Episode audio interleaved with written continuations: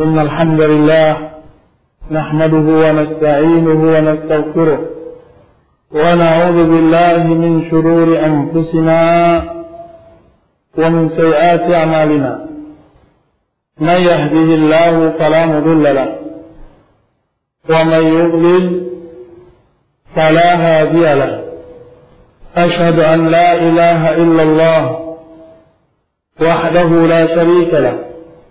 وأشهد أن محمدا عبده ورسوله صلى الله عليه وعلى آله وصحبه وسلم تسليما كثيرا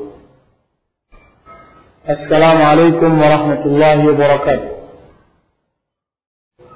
Semoga Allah Subhanahu wa taala memberikan kepada kita taufik serta inayahnya. Salah satu sifat yang harus dimiliki oleh setiap muslimah sebelum muslim adalah sifat syukur. Tandainya seseorang muslimah bersyukur kepada Allah Azza wa Jalla.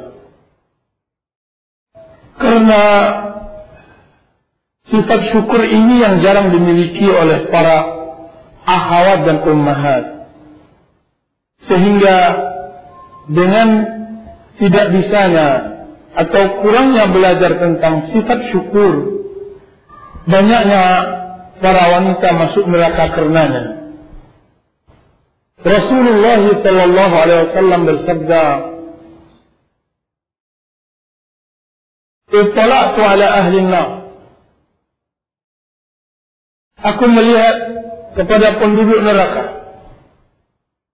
Maka aku melihat yang paling banyak penghuninya adalah wanita Dijawab oleh salah seorang Ditanya oleh salah seorang Sahabiyah radhiyallahu anha Kenapa begitu ya Rasulullah? Kenapa kami para wanita banyak menjadi penghuni neraka? Dijawab oleh Rasulullah sallallahu alaihi wasallam yang seharusnya jawaban ini menjadi selalu ada di pelupuk mata setiap muslimah yang cinta kepada Allah dan Rasulullah.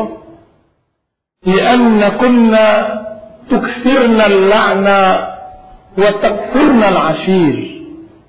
Karena kalian semua memperbanyak menggerutu dan yang paling banyak pula mengingkari kebaikan suami.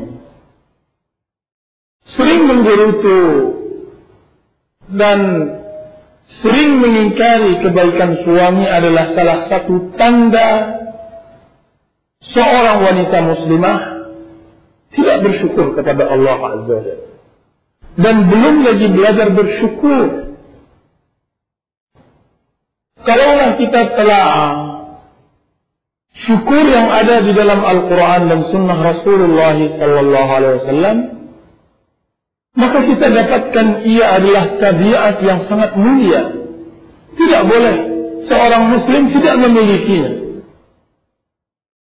syukur kepada Allah Azza wa Jal akan melahirkan syukur kepada suami melahirkan syukur kepada manusia.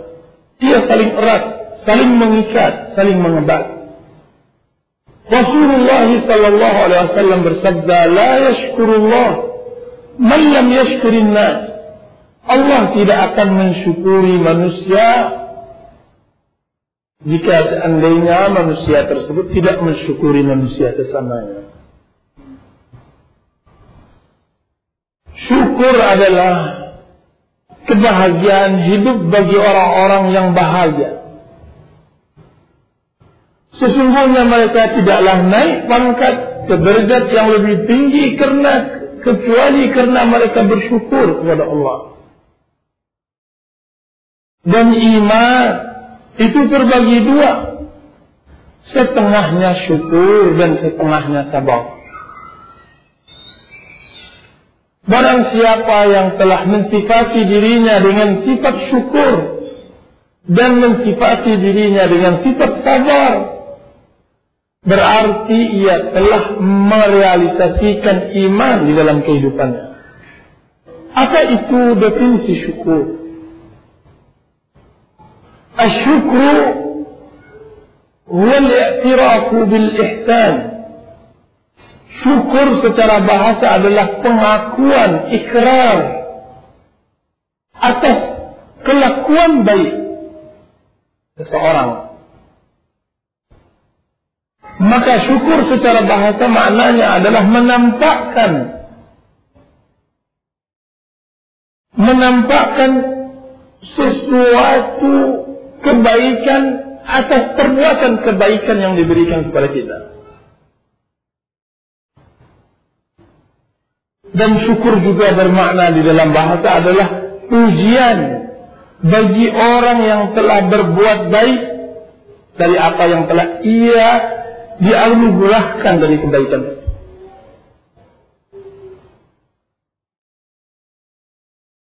Syukur juga bermakna menambah dan berkembang. Ziyadatu wan nama. Karena ketika seseorang bersyukur kepada zat yang ia syukuri, berarti ia akan ditambahkan rasa syukurnya tersebut, kebahagiaannya tersebut.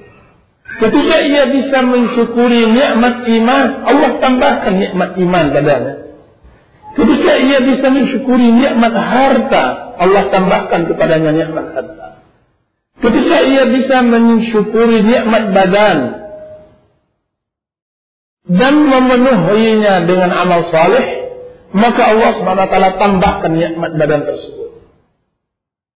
Berarti ini adalah an-nama wa ziyadah.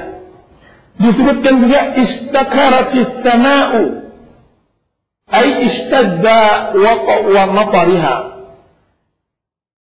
Langit bersyukur maksudnya adalah bertambah derasnya hujan turun dari langit tersebut itulah makna firman Allah azza wa jalla di dalam Al-Qur'an Al-Karim la in syakartum la azidannakum Dikiranya kalian bersyukur, niscaya Allah Subhanahu wa taala akan menambahkan untuk kalian. Jadi syukur secara bahasa mempunyai makna yang banyak. Dia adalah tambahan, dia adalah pengembangan dari syukur itu sendiri. Dia adalah ujian kepada orang yang bersyukur.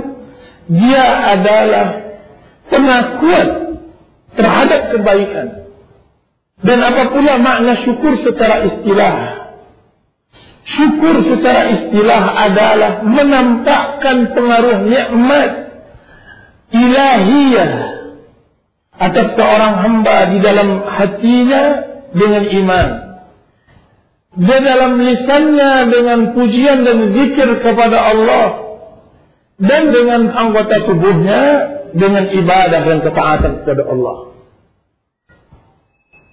Jadi istilah menampakkan pengaruh nikmat yang Allah berikan kepadanya tersebut dengan hati, dengan lisan, dengan anggota badan. Hati dengan mengakui dan berikrar. Lisan dengan memanjatkan puja-puji syukur kita kepada Allah dengan zikir, dengan doa dan munajat. Dan amal saleh anggota badan yaitu dengan amal saleh dan ketaatan kepada Allah Azza wa Sehingga nikmat yang sedikit yang Allah berikan kemudian kita syukuri tersebut akan mengantarkan kita untuk diberi nikmat yang jauh lebih besar.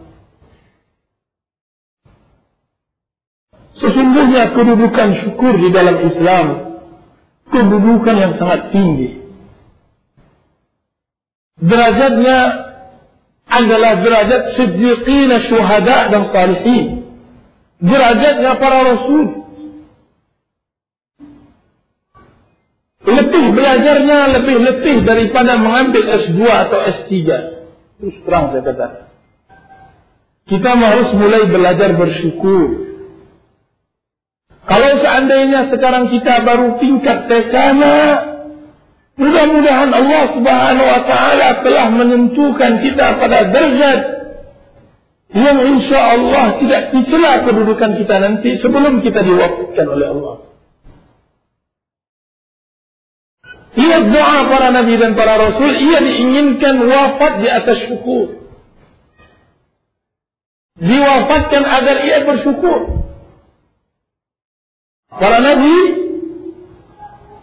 meniatkan diri agar ia berada wafat dalam keadaan syukur. Maksudnya, ia berada pada derajat syukur yang tertinggi ketika ia wafat. Baru ia sampai istijah.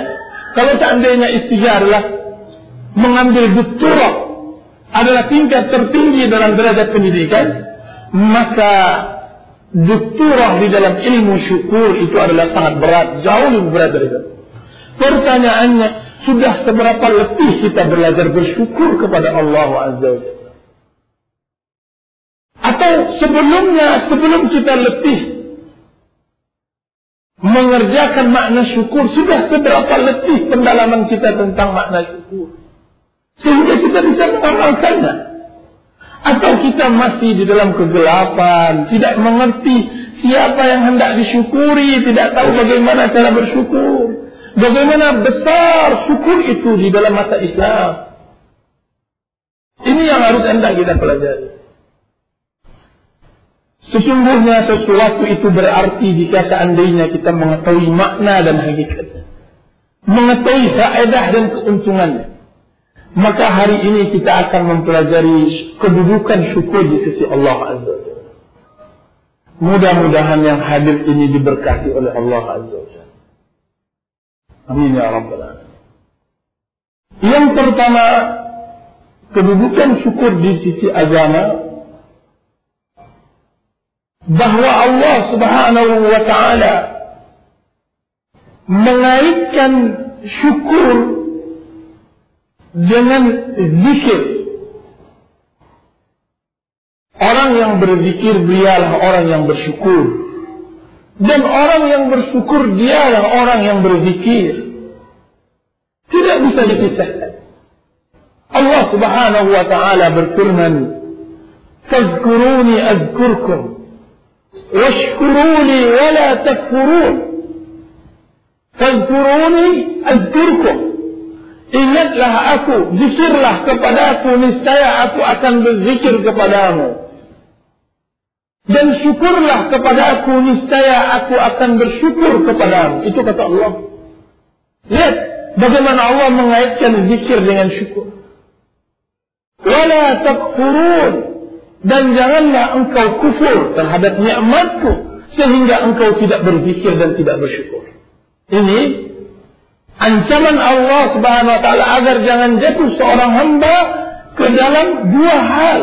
Dalam lalai sehingga ia tidak berzikir lalai sehingga ia tidak berzikir dan kufur sehingga ia tidak bersyukur.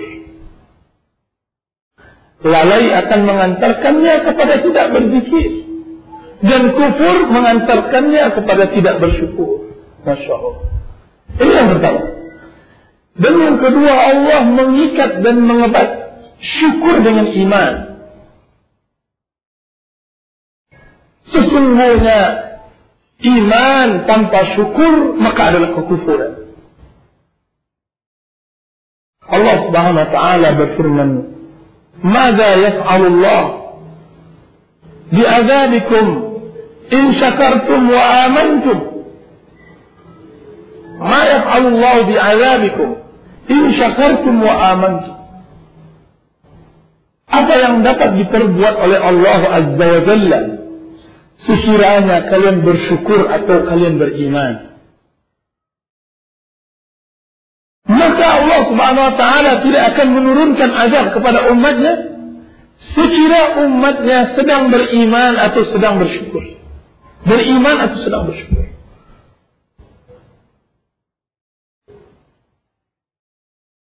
Dan yang ketiga, orang yang bersyukur adalah orang-orang spesialisasi, orang-orang khas, orang-orang istimewa mendapatkan keutamaan Allah Azza wa Jalla dari hamba-hamba yang lain. Ahlu syukur adalah orang istimewa Allah. Dari hamba-hamba. Dari sekian banyak hamba-hamba Allah, maka orang yang bersyukur adalah orang yang istimewa di mata Allah. Allah Subhanahu wa taala berfirman, "Wa kadzalika fatanna ba'dahum bi ba'd liyaqulu أهؤلاء الذين من الله عليهم من بيننا أليس الله بأعلم بالشاكرين Begitulah mencoba sebagian mereka dengan sebagian mereka agar mereka mengatakan agar mereka mengatakan apakah mereka mereka yang Allah Subhanahu wa taala utamakan istimewakan tersebut dari kami? Apakah mereka-mereka itu adalah orang-orang yang Allah istimewakan dari kami? Itu orang-orang kafir mengatakan kepada orang-orang mukmin apakah mereka-mereka itu yang Allah istimewakan? Apa kata Allah Subhanahu wa taala menghardik mereka? Alaisallahu bi'alama bisyakirin. Alaisallah bukankah Allah yang paling mengetahui siapa yang bersyukur kepadanya? Jadi orang yang bersyukur adalah orang yang Allah berikan minnah. Allah berikan keutamaan. Yang keempat, bahwa orang yang bersyukur adalah orang yang Allah cintai. Sebagaimana orang yang kufur adalah orang yang Allah benci.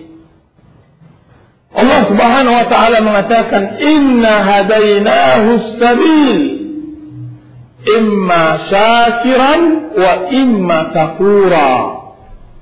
Sesungguhnya kami telah memberikan kepadanya jalan. Apakah ia hendak bersyukur atau apakah ia hendak berkufur? Yang kelima kedudukan syukur di dalam Islam. Sesungguhnya Allah Subhanahu wa taala mencoba hamba-hambanya untuk agar mereka bisa bersyukur kepada Allah adanya cobaan, adanya musibah, agar hamba tersebut bisa keluar dari cobaan tersebut sebagai hamba yang bersyukur. Allah Subhanahu wa taala mengatakan hada melalui lisan Nabi Sulaiman alaihi salam hada min fadli rabbi aashkuru am akfur wa man fa inna ma yashkuru li nafsihi ومن كفر فإن ربي غني كريم Apa kata Sulaiman alaihi salam, Nabi Allah. Nabi Allah. Nabi yang raja. Raja yang Nabi. Anak dari Nabi Dawud alaihi salam. Apa kata Nabi Sulaiman ketika Allah subhanahu wa ta'ala menganugerahkan kepadanya ujian dan cobaan harta. Dan kedudukan dan pangkat. Apa kata Sulaiman? Hada min fadli Rabbi. Inilah keutamaan yang Allah berikan dari Rabbku. Agar mengujiku. Apakah aku bisa bersyukur atau aku kufur. Harta yang aku dapat ini. Kedudukan dan pangkat yang aku peroleh. Adalah keutamaan dari Allah. Apakah aku bisa bersyukur atau aku jatuh ke dalam kekufuran. Barang siapa yang bersyukur berarti ia bersyukur untuk dirinya. Dan barang siapa yang kufur sesungguhnya Rabbku adalah zat yang maha kaya dan maha mulia. Jadi kekayaan seperti kaya Sulaiman, kedudukan seperti kedudukan Sulaiman, dia adalah cobaan menguji kita apakah kita bisa di atas kekayaan tersebut bisa kita bersyukur kepada Allah atau kita tidak bisa bersyukur kepada Allah. Jika seandainya bersyukur yang untung adalah kita. Jika seandainya kita kufur, maka sesungguhnya Allah Subhanahu wa taala tidak membutuhkan syukur kita. Syukur kita itu faedahnya untuk kita, bukan untuk Allah.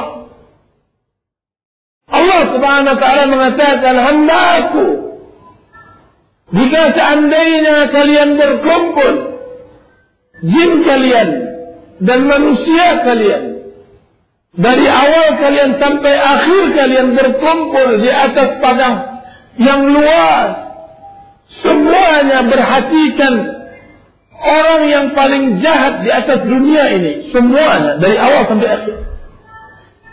Jin dan manusia, semuanya berkumpul Perhatikan semuanya dengan hati iblis. Maka itu tidak akan mengurangi sedikit pun dari kekuasaanku. Tidak akan mengurangi sedikit pun dari kekuasaan Allah. Maka syukur itu adalah faedahnya untuk hamba bukan untuk Allah. Sebagaimana dikatakan oleh Sulaiman. Wa man syakara fa innama yashkuru li nafsihi. Barang siapa yang bersyukur, maka syukurnya itu untuk dirinya. Yang keenam,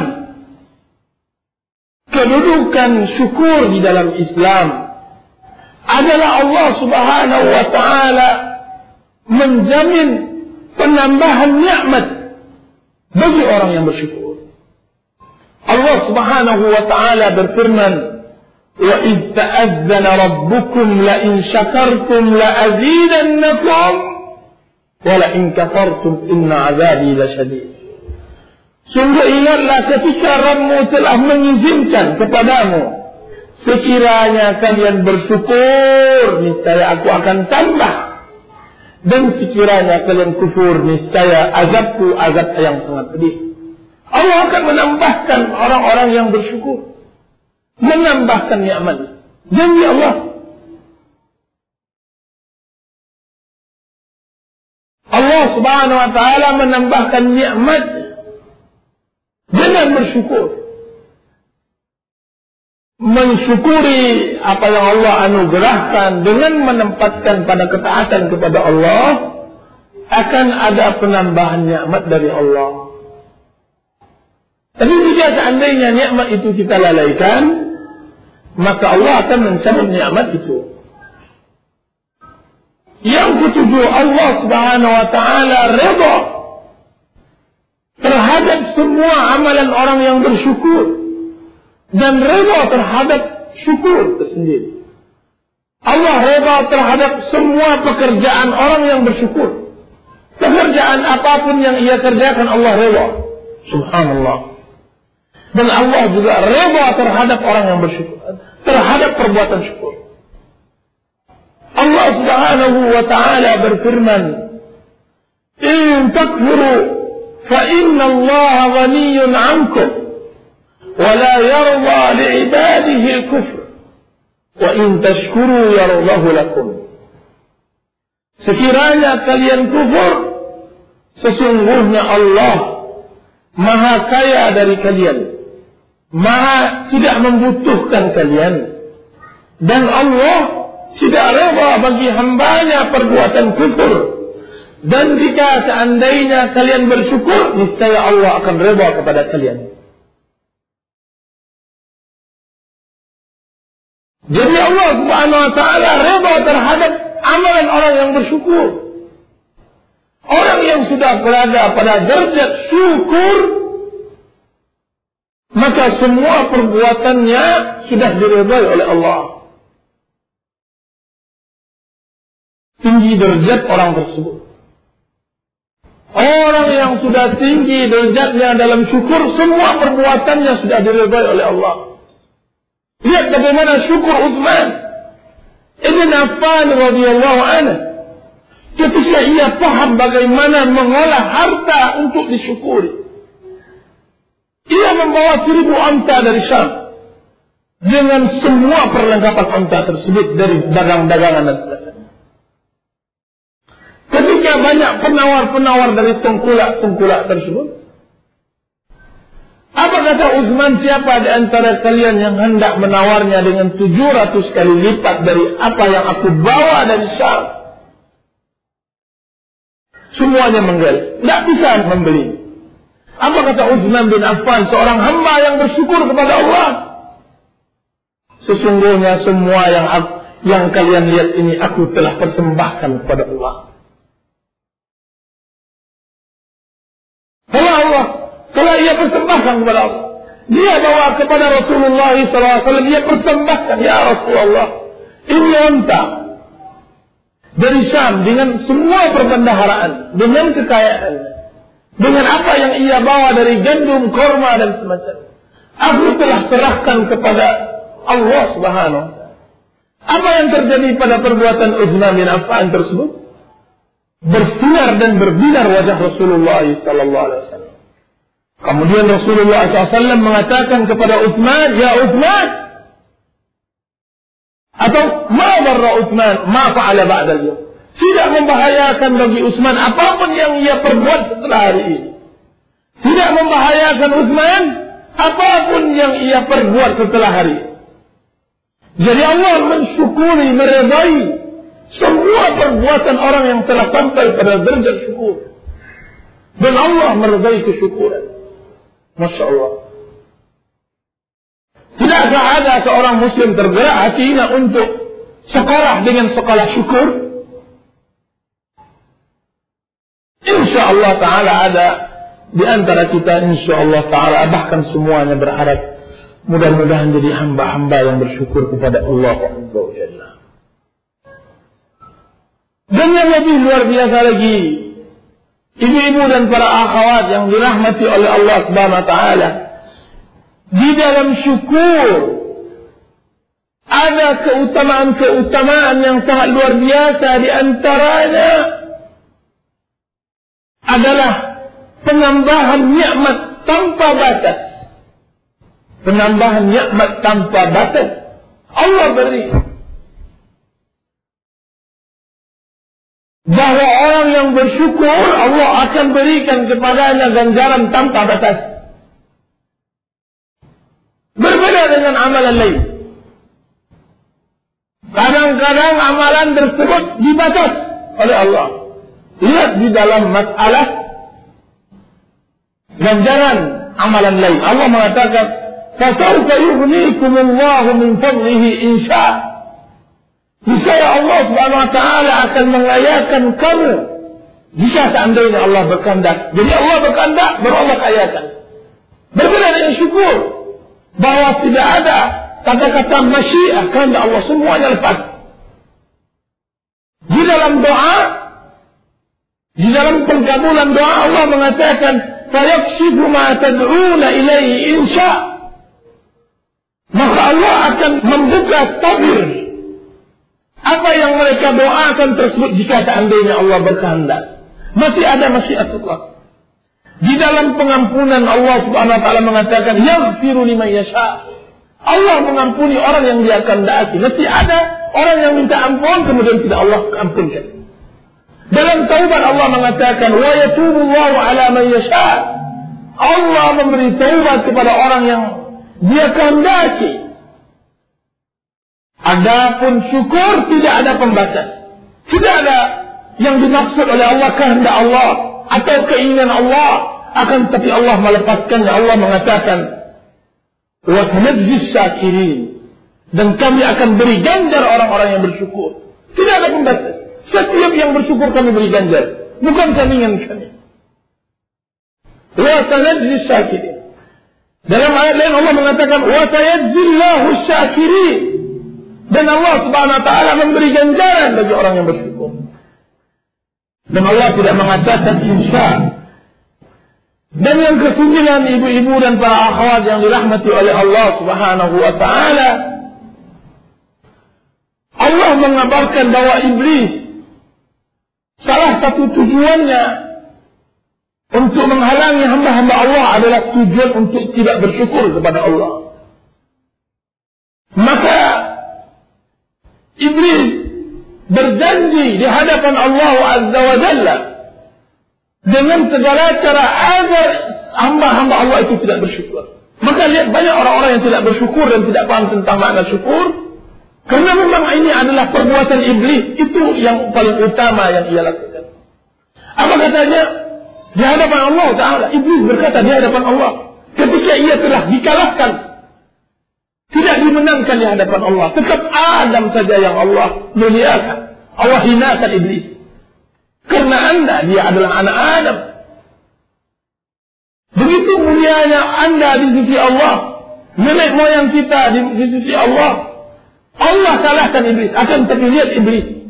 Dia tidak pernah mengalah. Semangatnya masih tetap bersemangat. Dia, sekalipun di hadapan Allah. Dia mengatakan. Summa la'atiyannahum. Min baini aidihim. Wa min khalfihim. Wa an aymanihim. Wa an syama'ilihim. Wa la tajidu aktarahum syakirin. Kemudian ya Allah. Aku akan datangi mereka. Di hadapan mereka atau dari belakang mereka atau dari kanan mereka atau dari kiri mereka sehingga engkau akan dapatkan kebanyakan mereka tidak bersyukur kepada Allah Azza wa Jalla. Seperti iblis menginginkan anda agar tidak bersyukur kepada Allah. Karena dengan syukur akan turun keberkahan, akan turun dari akan Allah turunkan semua kenikmatan kepada anda. Iblis tidak menginginkan itu. Dan yang ke sepuluh, kedudukan syukur di dalam Islam. Sesungguhnya Allah Subhanahu Wa Taala menyebutkan bahawa orang yang bersyukur dari hamba-hambanya itu sedikit. Allah Subhanahu Wa Taala berfirman, "Wa qalilun min ibadi yashkur." Dan sedikit sekali dari hamba-hambaku yang bersyukur. Disebutkan oleh Imam Ahmad bahwa Umar bin Khattab radhiyallahu anhu. Pernah mendengar seseorang berdoa. Dia mengatakan Allahumma ja'alni minal aqalli. Ya Allah jadikan aku dari orang-orang yang sedikit. Maka berkata Umar apa pula doa yang seperti maka menjawab orang tadi ya Amirul Mukminin bukankah Allah Subhanahu wa taala mengatakan wa ma amana ma'ahu illa qalil tidaklah beriman dengan dengannya tersebut kecuali yang sedikit. Dan bukankah Allah Subhanahu wa taala mengatakan wa qalilun min ibadi yashkur dan sedikit sekali hamba-Ku yang bersyukur. Dan bukankah Allah Subhanahu wa taala mengatakan innal ladzina amanu wa amilus salihati wa qalilun ma'hum sesungguhnya orang-orang yang beriman dan beramal saleh dan alangkah sedikitnya mereka itu. Berarti orang yang beriman, orang yang bersyukur, Orang yang ikut bersama para nabi dan rasul adalah orang-orang yang sedih. Maka berkata Umar bin Khattab radhiyallahu anhu, "Sadaq. Engkau benar. Engkau benar dalam doamu. Mintalah agar engkau dijadikan dari orang-orang yang sedikit tersebut." Allahu akbar. Perhatian laki-laki ini begitu detil. Sebagaimana detailnya kita di dalam memperhatikan dunia. Masya Allah. Detail kita memperhatikan dunia. Ya Allah belikan aku satu satu payung untuk memaku atap rumahku. Betul sekali permintaan. Permintaannya detail. Ya Allah jauhkan anakku dari sakit lumpuh, dari sakit demam, dari sakit gelap, dari sakit semuanya detail. Walaupun itu terpuji, Pak akhwat yang dirahmat. Walaupun itu terpuji. Akan tapi kalau seandainya kita detil dalam meminta di dunia, seharusnya detil juga kita meminta untuk akhir. Nah, yang berikutnya, yang ke-11, bahwa Allah Subhanahu wa taala memuji Nabi Nuh bahwa dia adalah rasul yang pertama Allah utus yang permukaan bumi ini karena dia adalah rasul yang bersyukur. Allah Subhanahu wa taala berfirman ذرية من حملنا مع نوح إنه كان عبدا شكورا ذرية من حملنا keturunan yang kami bawa bersama Nabi Nuh. Sesungguhnya Nuh adalah hamba kami yang bersyukur. Seakan-akan Allah subhanahu wa ta'ala mengisyaratkan. Wahai anak manusia, jika seandainya engkau hendak diselamatkan seperti diselamatkan Nabi Nuh dan orang-orang yang mengikutinya bersyukurlah kepada Allah. Seandainya engkau mendapatkan musibah seperti musibah Nabi Nuh, Maka belajarlah bersyukur kepada Allah Azza wa Jalla. Masya Allah. Yang kedua belas. Allah mengabarkan bahawa orang yang tidak bersyukur berarti adalah orang yang belum beribadah kepada Allah. Dan orang yang telah bersyukur berarti dia adalah orang yang beribadah kepada Allah Azza wa Jalla. Masya Allah. Allah Subhanahu wa taala menentang hamba-hambanya dengan ucapan di dalam Al-Qur'an. Allah mengatakan washkurullah washkurullah in kuntum iyyahu ta'budun. Bersyukurlah engkau kepada Allah jika seandainya engkau benar-benar beribadah kepada Aku. Jika seandainya engkau beribadah kepada Allah, maka bersyukurlah. Kalau seandainya tidak ada syukur berarti ibadah engkau selama ini adalah gurau. Adalah senda gurau, adalah permainan, adalah leha-leha, adalah sia-sia atau semacamnya. In kuntum iyyahu ta'budun.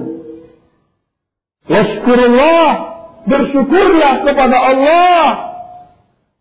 Jika seandainya sekiranya kalian benar-benar beribadah. Tapi orang yang tidak bersyukur, berarti selama ini belum lagi ia benar-benar beribadah kepada Allah. Berarti ibadah yang paling besar adalah bersyukur kepada Allah Azza wa Jalla. Alangkah layaknya setiap Muslim setiap harinya belajar bersyukur kepada Allah. Selalu ditalkinkan pelajaran syukur. Pelajaran syukur. Yang jarang-jarang kita dengar. Masya Allah. Yang ketiga belas. Amat Allah, hamba-hamba Allah yang dimuliakan. Allah subhanahu wa ta'ala memerintahkan hambanya Musa alaihi salam dari semua yang Allah berikan kepadanya dari kenabian, dari risalah, dari beban, dari beban syariat harus dengan dibat, dialasi dengan syukur. Allah Subhanahu wa taala berfirman, "Ya Musa, inni istafaituka 'alan nas" إني اصطفيتك على الناس برسالاتي وبكلامي فخذ ما آتيتك وكن من الشاكرين Wahai Musa, sesungguhnya aku memilih engkau dari sekalian manusia dengan risalahku, dengan ucapanku kepadamu. Maka ambillah semua yang aku berikan kepadamu dengan bersyukur.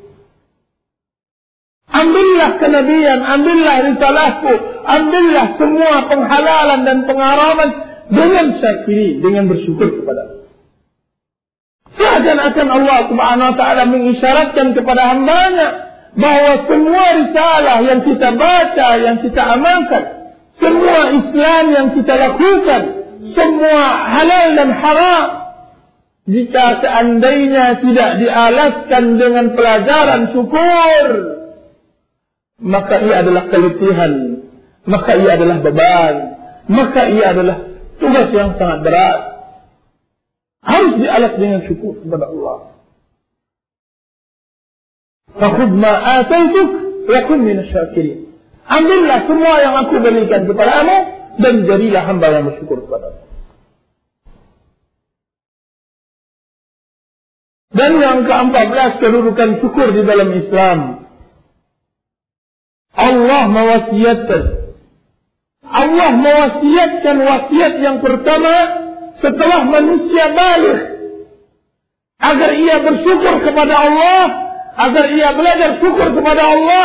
Kemudian ia belajar bersyukur kepada kedua orang tuanya. Maka Allah SWT berfirman.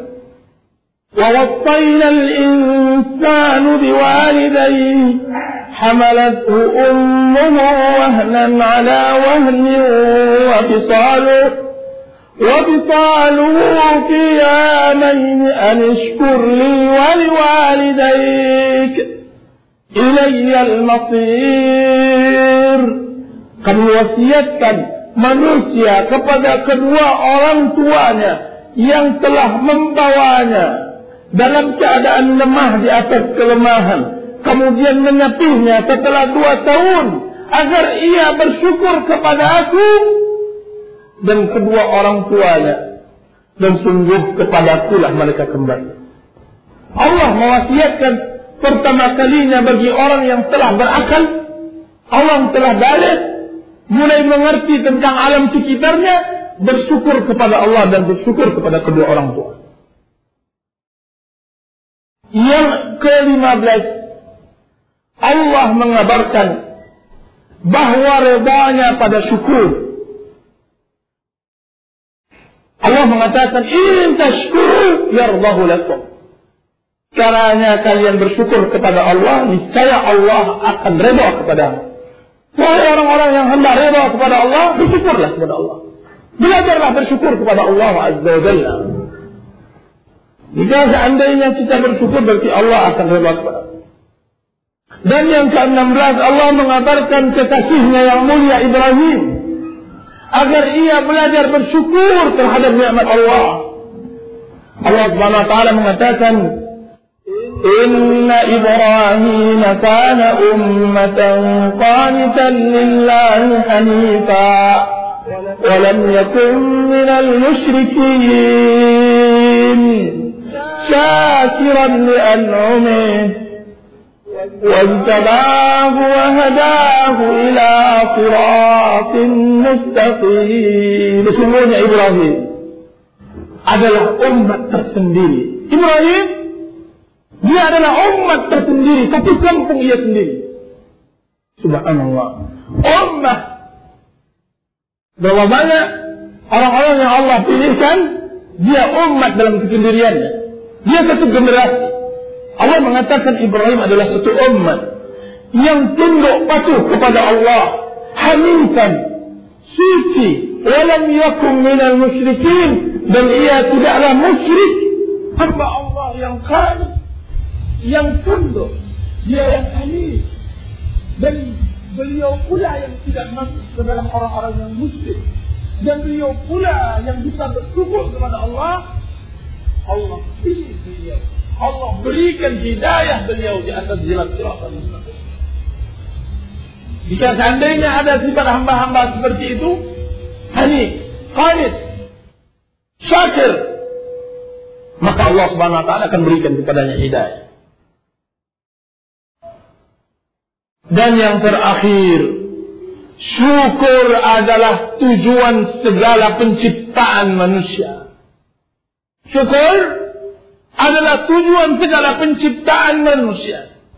Allah Subhanahu wa taala berfirman, "Wallahu akhrajakum min butuni ummahatikum لا تعلمون شيئا وجعل لكم السمع والأبصار والأفئدة لعلكم تشكرون dan sesungguhnya Allah mengeluarkan engkau dari perut ibu kalian, ibu engkau tidak mengetahui sedikit pun. Dialah yang menjadikan pendengaran, pandangan dan hati agar kalian bisa bersyukur. Ini adalah tujuan khalq Allah Subhanahu wa taala mengatakan bahwa tujuan semua perintah Allah agar semua hamba adalah bersyukur. Tujuan semua perintah Allah, semua perintah Allah dari sunnah, dari yang wajib, dari yang fardu adalah untuk bersyukur. Allah Subhanahu wa taala mengatakan, "Wa laqad nasarakumullahu bi Badrin wa antum adilla fattaqullaha la'allakum tashkurun." Dan sungguh Allah Subhanahu wa taala telah memenangkan kalian dalam perang Badar maka bertakwalah kepada Allah agar kalian bersyukur. Jadi takwa kita kepada Allah agar kita bersyukur. Ibadahnya kita